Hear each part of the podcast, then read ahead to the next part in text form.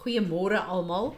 Dis my so lekker om so vroeg in die oggend te ervaar hoe die winterse koue vingers uh oral ingedruk word en dan besef ons elke seisoen het sy eie voordele en ek dink aan die heerlike kaggel wat Johan vir ons uh aansteek in die aand en hoe ek dit geniet om sommer net te sit en te dink oor die dag en na die vlamme te kyk en dan vroeg in die oggend hier te kan sit en te besef dat ehm uh, die elke seisoen is 'n spesiale gawe wat God vir ons gegee het en baie keer is ons op so 'n plek waar as dit te koud is wil ons dit omwens of as dit te warm is wil ons dit omwens.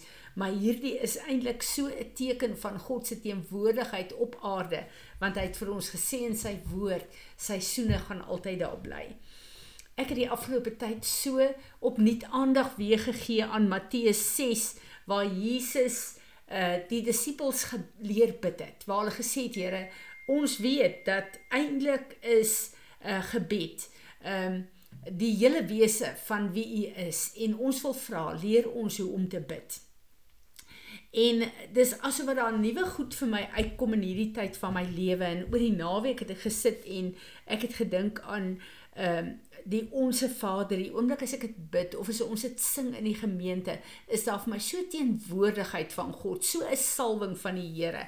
En ek kyk na hierdie uh, uh gedeelte wat ons so dikwels bid.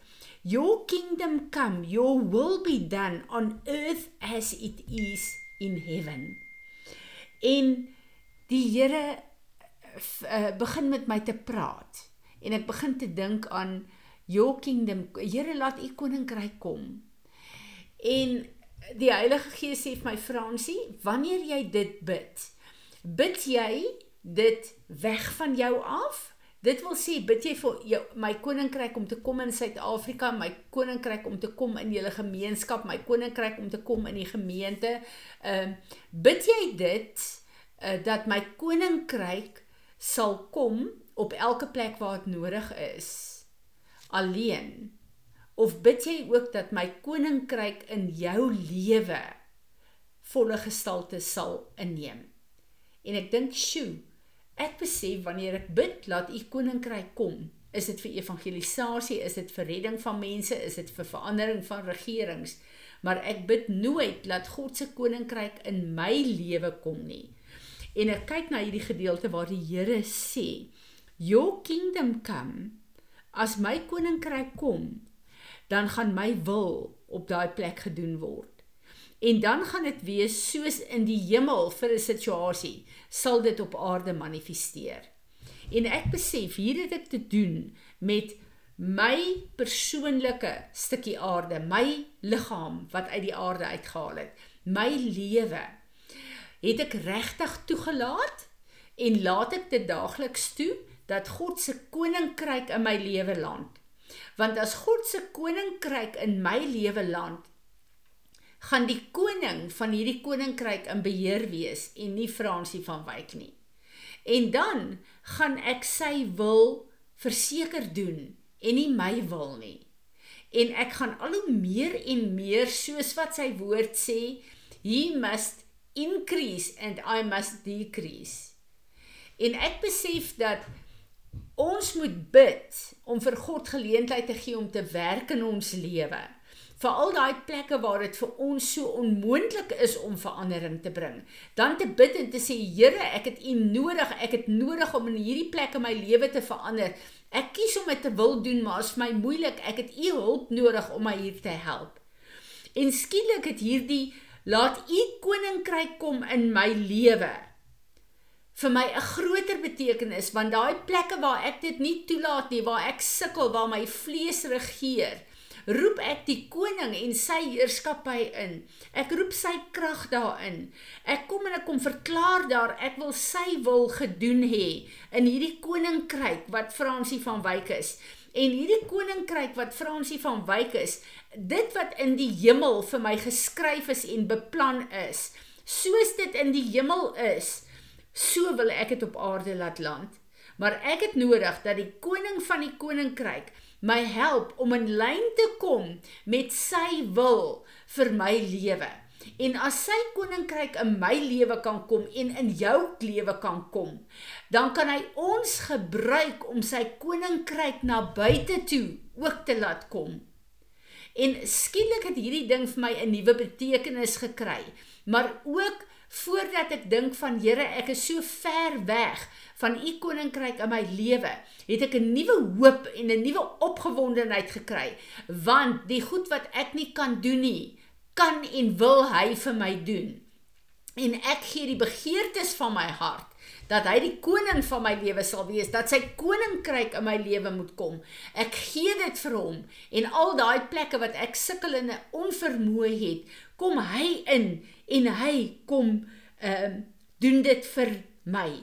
Wat 'n voorreg is dit net nie.